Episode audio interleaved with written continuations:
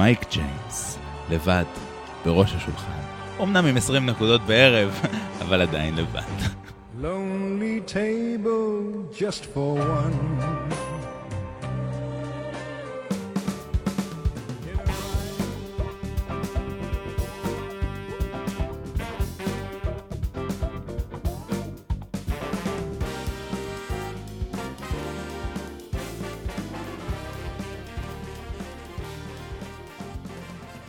אז אה, מונקו, מונקו היא באמת אחת הקבוצות שאנחנו מכירים אה, יותר טוב, בעיקר בזכות הפלייאוף אה, בעונה שעברה.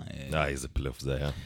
כן, האמת, אני חושב שזה מראה את, ה, את העוצמה של, ה, של הפורמט הזה של, של פלייאוף, של סדרת משחקים, באמת מול, אני חושב בעונה שעברה מול שתיים הקבוצות אה, הטובות במפעל. אני חושב שמכבי הגיעה במומנטום מטורף לפלייאוף הזה, אה, וגם מונקו, וזאת הייתה סדרה שבאמת, בסוף אה, אנחנו הפסדנו, אבל היה מאוד מאוד מהנה לצפות בה, ו...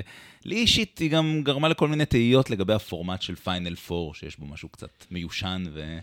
יש בו משהו מיושן, אני חושב שזה נותן איזושהי, אה, בוא נגיד איזושהי ציפייה לשאר קבוצות שהן לא ריאל מדריד, כי בסדרה ברור שהשנה ריאל הייתה לוקחת, נכון. תיקח כל קבוצה, כנראה. שגם בפיינל 4, אבל אה, זה משאיר איזשהו חרך קטן של קבוצות כן להשתחל ולהתחרות על הגביע. תשמע, ריאל השנה לקחו איזושהי קפיצה קדימה, אבל בסך הכל בשנים האחרונות היורוליג הייתה ליגה כן שוויונית, עם הרבה קבוצות ש... שרצו חזק. כן, זה נותן איזה חלון לסוסים שחורים תמיד להפתיע, אבל... במיוחד למכבי. כן. כנראה שהיינו כן. מאבדים כמה אליפויות אירופה אלמלא ה... כנראה שאת האליפות של 2014 היינו מאבדים. זה בטוח, זה בטוח, אני גם חושב על חלק נוספות. אבל בכל אופן, זה כן מעניין, אנחנו לא דיברנו על זה בהכנה לפרק, אה, אני חושב שהשנה יהיה מאוד מעניין לראות את הפורמט של ה-play-in. כי זו סדרה מסוג אחר, זו סדרה כן. של אה, שני משחקים, נכון. אה, וזה דווקא יכול להיות מעניין לראות מה, איך קבוצות בעצם יתחרו בפורמט החדש. אני חושב שלמכבי זה יהיה טוב שיהיה את ה-play-in בעונה הספציפית הזו. אני חושב שזה טוב ליורוליג, בסוף אנחנו ראינו מה קרה בעונה שעברה. אני חושב שהיה הרבה מאוד uh, תחרות על, ה, על המקומות האלה של... Uh, נגיד ככה, זה, זה פותח גם את מקומות 11-12, אה, כאילו, להיאבק על מקומות 9-10, כן? כאילו, קבוצה של מקום 12 לא נגמרה על העונה. חמישה סיבובים לסוף. אה, ובאמת זה, אני חושב, מייצר אה, הרבה מאוד עניין ומתח. הש, השנה יש באמת בטן מאוד רחבה, אז אה, יהיו כן. הרבה קבוצות שיהיה להם סיכוי, זאת אומרת, אפילו אולי מקומות 14 בקונסטלציה מסוימת. ממש, ממש. אפילו קבוצות כמו ביירן מינכן, של גיריס הכוכב, יכולים, יכולות להיאבק על ה-play-in ממש עד הסוף, ובעיניי זה, זה מרתק וזה עושה טוב למפעל. בכל מקרה, מונקו. מונקו היא קבוצה ששמרה על הגרעין שלה, ו... בדומה להרבה מהקבוצות המובילות אה, ביורוליג, יש כאן הרבה מאוד המשכיות. אה, מבחינת הרכש, אז שלושה שחקנים הגיעו ולא יותר מדי אה, השפיעו על הקבוצה, לא יותר מדי השתלבו. מדובר על קורנלי, שמגיע מריאל מדריד וכמעט ולא משחק, אה, וגם אה, מם ג'ייטה, הסנטר שהגיע מווירטוס בולוניה ולא כל כך מצליח להשתלב אה, לצד מוטיונס ודונטה הול, שנדבר עליהם בקרוב בהרחבה. כמובן, ההחתמה של אירופה השנה, קמבה ווקר, שהגיע מה-NBA. זה היה ש... פיצוץ, נכון? זה היה כאילו... זה היה הרי דיבור, דיבור מאוד חזק אחרי שקמבה הגיע, שמייק ג'יימס בעצם, זה האמירה שהוא הולך לעזוב, כן. ובסוף נוצרה איזושהי קונסטלציה שמייק ג'יימס נשאר. הוא השחקן אה, של מונקו, אולי השחקן כרגע ביורוליג. חייב להיות זכר אלפא, אה? הוא לא יכול לחלוק את הבמה עם אף אחד אחר. הוא חולק את זה עם אה, אלפא דיאלו, אני מזכיר לך. בטא כן, דיאלו. בטא דיאלו, יפה, אהבתי, ממש. אה, אז כן, אבל קמבה ווקר זה סיפור מעניין, אנחנו ניגע בעוד מעט בהמשך, לא משתלב כל כך טוב, נכון. בטח לא ביחס לציפיות. אמ, טוב, אז בואו בוא נדבר קצת באמת על המאזן שלה. היא כן נמצאת בבטן של היורוליג עם מאזן של אה, תשעה ניצחונות ושבעה הפסדים. נכון. אה, ומבחינת אבל הנתונים, אנחנו כן חושבים, זאת אומרת, זה, זה, זה לא מספר את כל הסיפור, כי, כי קבוצה התקפית, מונקו של השנה היא קבוצה פנטסטית, היא הייתה ככה שנה שעברה, השנה היא גם כן במאזן של, בעצם היא רביעית ביורוליג מבחינת האופנסיב רייטינג. מבחינת ההגנה, איך היא עומדת? קבוצה יחסית אה, בינונית מבחינת ההגנה, מדורגת מקום שביעי. כשהיא מאפשרת ליריבות שלה לקלוע 80 נקודות בערב, שזה יחסית הרבה. אה, מה שעוד אולי שווה להגיד על אה, מונקו, והוא קצת מעבר אה, לסטטיסטיקה, זה האופן שבו הקבוצה הזאת בנויה, והאופן שבו הסכמה ההתקפית שלה מסורטטת. אז אנחנו יודעים שזו קבוצה שהיא ככה משופעת בגארדים אה, אתלטיים ומוכשרים שמסוגלים להוריד את הכדור אה, לרצפה, לייצר לעצמם ולהגיע איתו אה, עד הטבעת. אה, ובאמת, אה, הרבה מאוד מהסכמה היא במשחק בין גארדים לבין גארדים אחרים, ומתבססים מאוד על היכולת הזאת אה, לקחת את הכדור ממש עד הסל. כן, בהחלט, אני מסכים איתך, בר. זו קבוצה שהסגנון משחק שלה הוא, הוא קודם כל של הגארדים, ואני חושב שזה מתכתב מאוד עם זה ש... מונקו זו הקבוצה שמאבדת הכי מעט ביורוליג. זאת אומרת, מי שמקבל את ההחלטות, מי שמתחיל את ההתקפה כמובן זה הגארדים, אבל גם מי שמסיים זה הגארדים. ומזה נגזרת הסטטיסטיקה, זאת אומרת שהם מאבדים הכי מעט ביורוליג, לא רק... אה, מספרית, אלא גם מבחינת האחוזים שלהם ביחס להתקפות שלהם. עכשיו, אני חושב שההשוואה פה למכבי, מבחינת הסגנון משחק היא מעניינת, כי יש נטייה לחשוב ששתי הקבוצות הן קבוצות שמתבססות על גארדים איכותיים ועל קו אחורי מאוד מאוד חזק. באמת אצל מכבי עם אה, לורנזו וווייד, אבל אצל מכבי הסכמה ההתקפית היא מבוססת pick and roll, והיא מבוססת על להגיע לפואנטה של גבוה שמקבל את הכדור בתנועה, או אולי על שורט רול. אה, וכן יש עוד פעימה של קבלת החלטות על ידי, על ידי גבוה, שהיא חלק מהסכמה ההתקפית. הרבה פעמים, אני אחדד את זה, זה הרבה פעמים השחקן בעמדה מספר 4.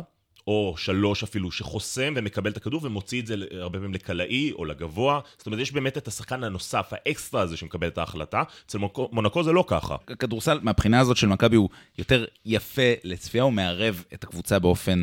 אה, יותר רחב, וגם הוא מנצל את היכולות של הגארדים שלה באופן יותר עשיר. אה, אם אצל מונקו הרבה פעמים אנחנו נראה את, את אוקובו וג'יימס חודרים דרך סבך של שחקנים, ואשכרה גם מצליחים לעשות את זה ולהגיע ללייפ שלהם. אוקובו אה, מומחה גדול בזה. כן. הוא מסיים את הפאול וסל הזה, הרבה פעמים נותנים לו את המכה, והוא עדיין מצליח לסיים את הכדור אה, ולהכניס אותו לטבעת. כמו שראינו בסיום של המשחק הדרמטי מול פנטינאיקוס לפני שבועיים. כן, חבל ש...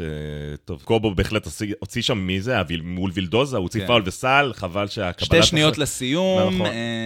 מדובר על יתרון של שתי נקודות בעקבות הסל הזה שאוקובו הצליח לקלוע. כן, אבל חבל שהוא לא הצליח אה, לזרוק עונשין כמו בן אדם, ופשוט הפציץ שם את הטבעת, איבדו את הכדור. נענש על ידי השופטים. נענש, ואז באמת זה נגמר עם שלושה של גריגוניס.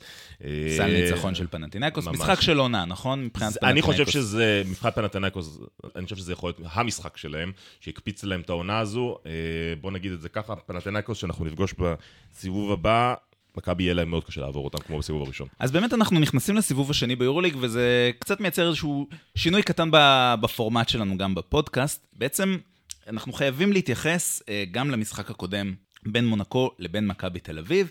אה, ובאמת ככה התחלנו לגעת בהשוואה בין הקבוצות אה, ובסדרת הפלייאוף המרתקת שהייתה אה, בסיום העונה שעברה. המשחק שהיה העונה לא כל כך ברוח הזאת. פשוט blowout של מונקו על, על גבי מכבי. בואו ניתן שנייה איזושהי רשימה של הדברים.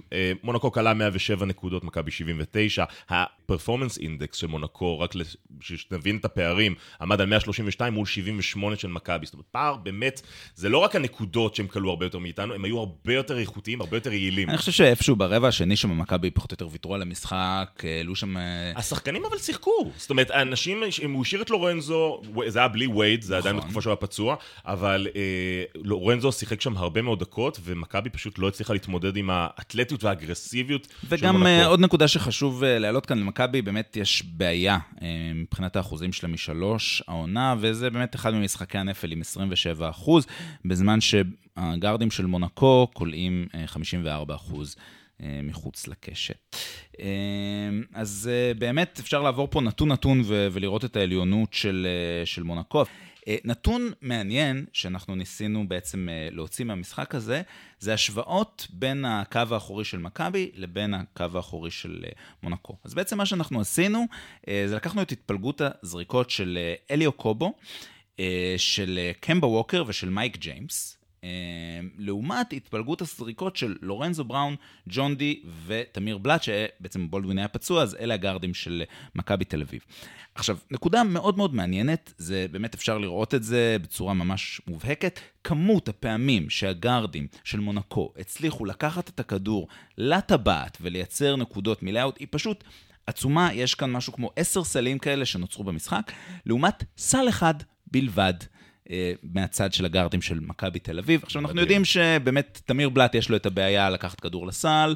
אה, גם ג'ון די הוא קצת יותר מוגבל מבחינת הסייז מהבחינה הזאת, ולורנזו נשאר היחיד שמסוגל לעשות את זה. אה, נכון, אני, חושב שזה לא מספר את כל הסיפור, כי בסופו של דבר יש את קו ההגנה הראשון ששומרים בשם הגארדים, ויש את קו ההגנה האחורי שזה השחקנים הגבוהים. כן. ובעצם מונקו, זה לא רק שהשחקנים הגבוהים שלהם, אם אתה רוצה להגיד שמוטיונס הוא לא שומר טבעת גדול, ודונטה הול כן, נגיד נכון. שאתה משווה אותו לג'וש ניבו, הגארדים של מונקו הרבה יותר אגרסיביים, שומרים בצורה הרבה יותר חזקה מאשר הגארדים של מכבי, ובעצם שלורנזו בראון שומר על מייק ג'יימס, באמת, זה, מת, הוא עושה מזה באמת מטעמים, והוא יכול לעבור אותו בקלות. העניין הוא שהגארדים של מכבי אפילו לא הגיעו לזריקות האלה מתחת לסל. הם לא הגיעו כי הגארדים לא מאפשרים להם את זה, ואז הם, הם מתפשרים על זריקות הרבה יותר קשות מש, משלוש, או מחצי מרחק. מחצי מרחק, דיברנו על זה עם 27% משלוש, ובאמת שזה נראה כמו בלואות, כמו שדיברנו בתחילת החלק הזה.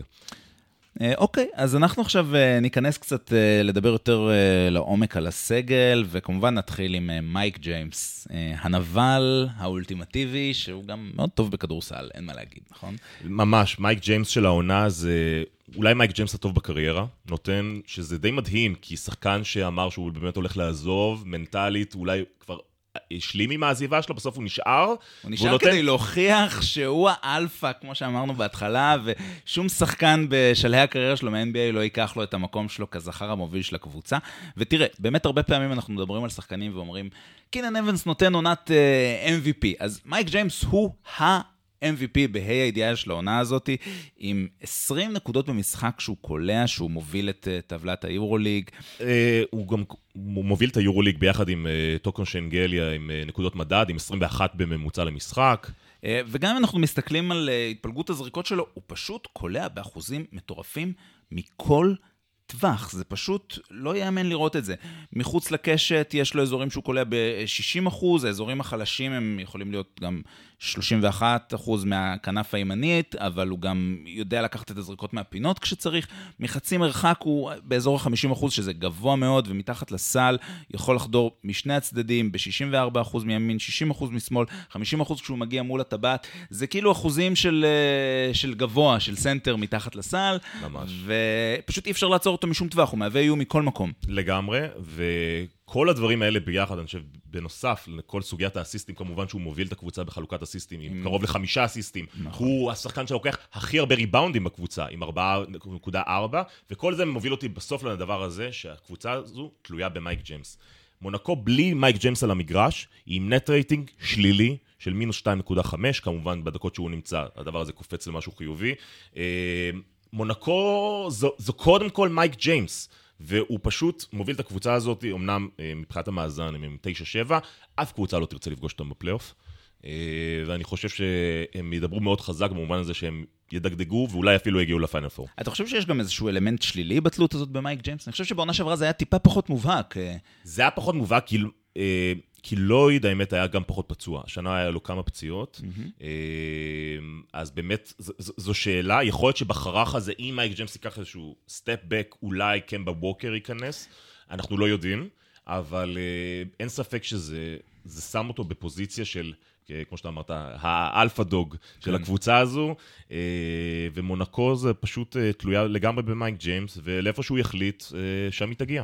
עכשיו, אה, בוא ניכנס גם לצוות המסייע, כי בסוף, אה, אני חושב שבניגוד למכבי, שבאמת בנויה על שני שחקנים, אז גם כאן, גם השחקנים המסייעים, שחקנים בפרופיל גבוה מאוד, שיכולים לקחת אחריות ולעשות את הצעד קדימה הזה במקרה הצורך. אז אנחנו באמת, מבחינת הקו האחורי, מדברים על אליו קובו, שמשחק 26 דקות בערב, מספק את ה-10 נקודות שלו, באחוזים לא מי יודע מה, וגם ראינו את קבלת ההחלטות המעט בעייתית בסוף המשחק מול אה, פנטינאיקוס, אבל עדיין, הוא שחקן שאפשר לבנות עליו, וגם מבחינת היכולת. ההגנתית האגרסיבית שלו. עכשיו, מבחינת הפורוורדים, אז ג'ון בראון, פורוורד אה, באמת ותיק ביורוליג, אה, עם קילומטראז' מאחוריו, שגם מספק את השבע נקודות שלו קצת מחיתוכים. האח של אה, לורנזו? כן, שלח תמיד קורא להן האחיות בראון מהתקופה שלהן בקזאן. אז uh, שחקן שאני אוהב לראות אותו משחק. שחקן ו... נפלא. אה, אחד, אני חייב להגיד שאחד האהובים עליי ביורוליג, כי הוא קצת כמו, הוא מזכיר קצת, עוד פעם, זו תקופה שאני פחות ראיתי כדורסל, אבל מזכיר לי קצת את נדב הנפלד, mm-hmm. משהו בהגנה האגרסיבית הזאת, ש... והוא עושה דברים שלא רואים בסטטיסטיקה, אבל הוא, שהוא סוגר שחקן, השחקן הזה זהו. הוא לא, הוא לא יקלע. כן, אז באמת נדבר על שני הסנטרים עכשיו, אה, דונטה הול וגם אה, מוטיונס. אז שני סנטרים מאוד מאוד שונים, שנותנים הרבה גמישות בעמדה מספר 5 אה, למונקו. עם דונטה הול הוא סנטר אתלטי מאוד, שבוא נגיד ככה, מבחינת רמת הקואורדינציה שלו, לא, לא מסוגל להוריד כדור לרצפה, הוא באמת קצת מוגבל, אולי קצת מזכיר את ג'וש ניבו, אבל הרבה פחות חזק. אבל הוא יותר אתלט. אני חושב שהוא אולי, הוא השחקן הכי אתלט, בטח בין הגבוהים ביורוליג. כן. קופץ לגבהים שאלוהים ישמור. כן.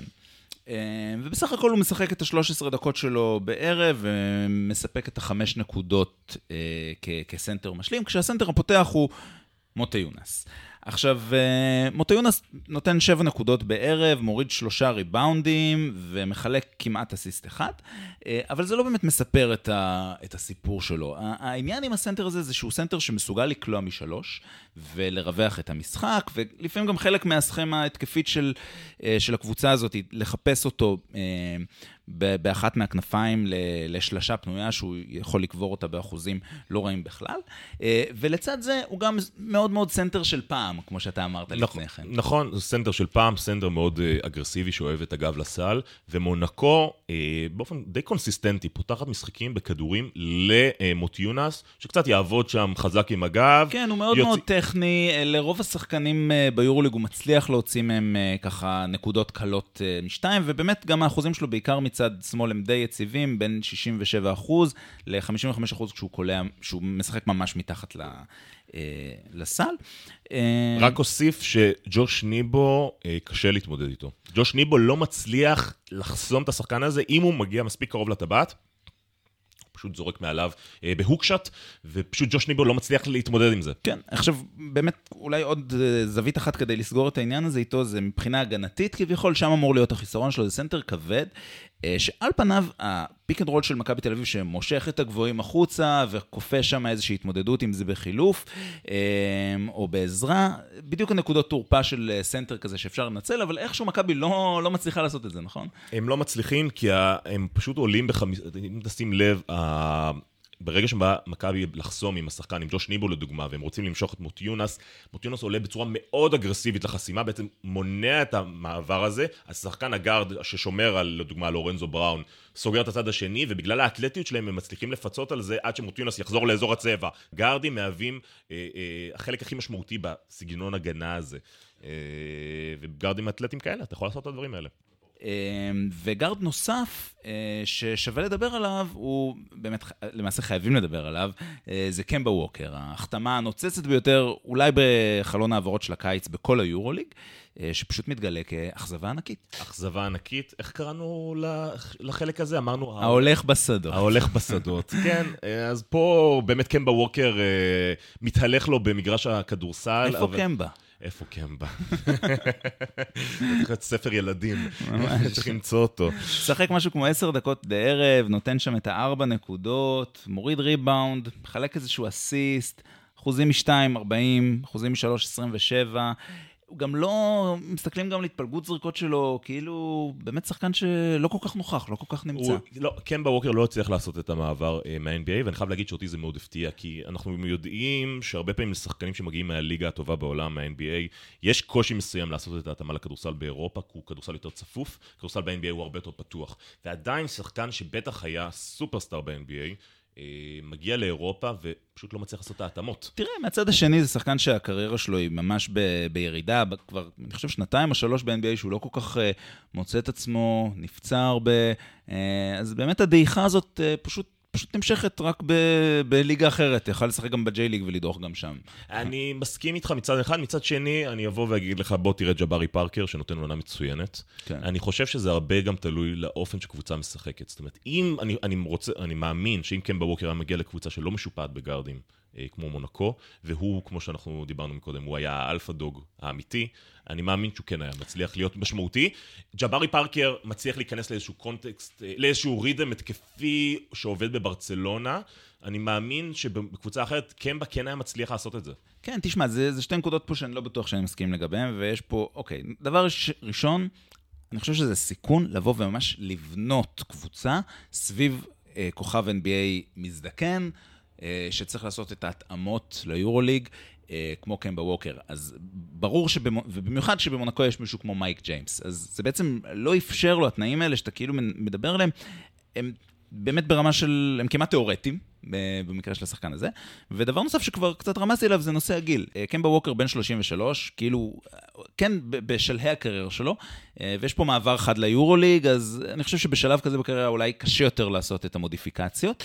אה, לעומת ג'בארי פארקר, שהוא מגיע בגיל 28, ממש בשיא הקריירה, עוד יכול לעשות את השינויים, וגם אפשר כך לבנות עליו ולבנות סביבו, בתוך, מתוך חשיבה שהיא יותר לטווח רחוק. טוב, אז אה, בנושא הזה נסכים שלא להסכים. אה, ואנחנו כן רוצים לדבר על איזשהו משהו שמאוד עניין אותנו ותפס לנו את העין. ובכן, אז למונקו יש מה שנקרא חמישייה למשימות מיוחדות, אה, שזה בעצם החמישייה הפותחת שלה בחלק מהמשחקים, שוואטרה בעצם נכנס בעמדה מספר 2, בואו רק נציין מי זו החמישייה הזו. כן, אז מדובר על ג'יימס, וואטרה, דיאלו, ג'ון בראון ומונטי יונס. יפה. עכשיו, החמישייה הזאת שיחקה בסך הכל שבעה משחקים השנה. אה, זו חמישייה, אגב, שפתחה את המשחק בסדרה, במשחק השני. משחק שתיים בסדרה מול מכבי. בסדרה מול מכבי, בדיוק. אה, היא משחקת בממוצע חמש דקות ממוצע למשחק. עכשיו, מה ה net rating שלהם? שזה אותי הימם הדבר הזה. net rating של 43.3. לשם השוואה, מונקו אה, בחמישיות האחרות, זאת אומרת, לדוגמה, בחמישייה נגיד הקלאסית של מייק ג'יימס, דיאלו, בראון, מוטיונס ואוקובו, אה, שהוא עולה בחמישייה, ה net rating שלהם עומד על אפס. אפס עגול. אה, בחמישית, בחמישיות אחרות דיברנו על זה שזה בלי מייק ג'יימס, זה מינוס שתיים וחצי, כלומר זו חמישייה שאם היא תפתח, אה, אם מונקו תפתח את המשחק עם החמישייה הזאת מול מכבי, תצפה לבלואו-אוט. נשאלת השאלה למה משחקים עם החמישייה הזאת רק חמש דקות בערב. אה, וואלה, התקלת אותי. שאלה. כן. אני, אין לי את התשובה הזו. אני חושב שזו חמישייה שפותחת בצורה מאוד אגרסיבית מבחינת בהגנה, ויכול להיות שהם... אה, אולי וואטרה מתאר, אני לא יודע. זאת אומרת, כן. זה, זה חמישה של אנרגיות, זה כמו, אתה יודע, של, של פיקים. כן. כמו שמכבי הרבה פעמים עולה עם שחקני אנרגיה, והיא יכולה כן. לשחק עם זה כמה דקות, וזהו, כן. ושם זה נגמר. אתה לא כן. תשחק חמישיות, אה, משחקים שלמים עם חמישייה כן. כזו. וכן, וגם ו... יכול להיות שיש פה אה, איזשהו אלמנט הפתעה שהחמישייה הזאת מייצרת, אם נגיד היריבות מתכוננות אה, לעבוד מול אה, שחקנים כמו אליו קובו. כן, אבל עובדה, אבל השפן הזה שהוא שלף, אולי הוא היה מפתיע במשחק מספר 2 שנה שעברה, הוא לא מפתיע כבר שהוא משחק איתו העונה כבר שבע פעמים. כן. זאת אומרת, קבוצות מתכוננות להרי למונקו, כן. אז זו, זו שאלה. אה, בכל אופן, זו חמישה שצריך להיזהר ממנה. כן. אה, טוב, אז אנחנו בעצם מגיעים אה, לקראת הסיום, וכרגיל אנחנו מסיימים עם המצ'אפ שלנו. אה, כשהפעם בחרנו להתמקד באלפה דיאלו, עוד שחקן מאוד מאוד משמעותי במונקו, בעמדה מספר 3, מול בונזי קולסון שלנו. אלפה דיאלו, אני חייב להגיד שהוא מוציא לי את כל חשק לראות כדורסל, כי הוא כל הזמן מתעסק ב... trash ומה שלא חשוב, כל הזמן רב עם השופטים, עושה כאלה קטנות מגעילות כאלה לשחקנים, אני ממש כאילו שחקן נפלא, אבל אני לא אוהב אותו כפרסונה. חייב, הייתי חייב להגיד את זה. מה עם בולדווין אבל? בולדווין, טוב, הוא מהטובים, למרות ש... זה בדיוק את אותם דברים. בטוח, אני חושב שמי שמתאים דווקא להשוואה פה זה גיא פניני. וואו, עד כדי כך. כן, ורודי פרננדס, זה כזה מאותו typecast. וואו, כן, דווקא כן. יש לו פרצוף חמוד כזה לדיאלו. לא, לא, הוא bad guy. בכל אופן, אה, אלפא דיאלו של העונה, אה, משחק אה, קרוב, האמת שהוא ובונזי משחקים את אותה כמות אה, דקות, 27, 28 פלוס מינוס. אה, מבחינת הנקודות, מה, איפה הם עומדים? כן, אז אם בונזי קולע כמעט 13 נקודות, אז אלפא דיאלו על 11, גם כן, לא, לא, לא הבדל דרמטי. כשמבחינת האחוזים לשתיים, אז בונזי קולסון באחוזים הרבה יותר גבוהים, מתקרב ל-60 אחוז, כשדיאלו באזור ה-45, אה, אבל משלוש, פה יש באמת...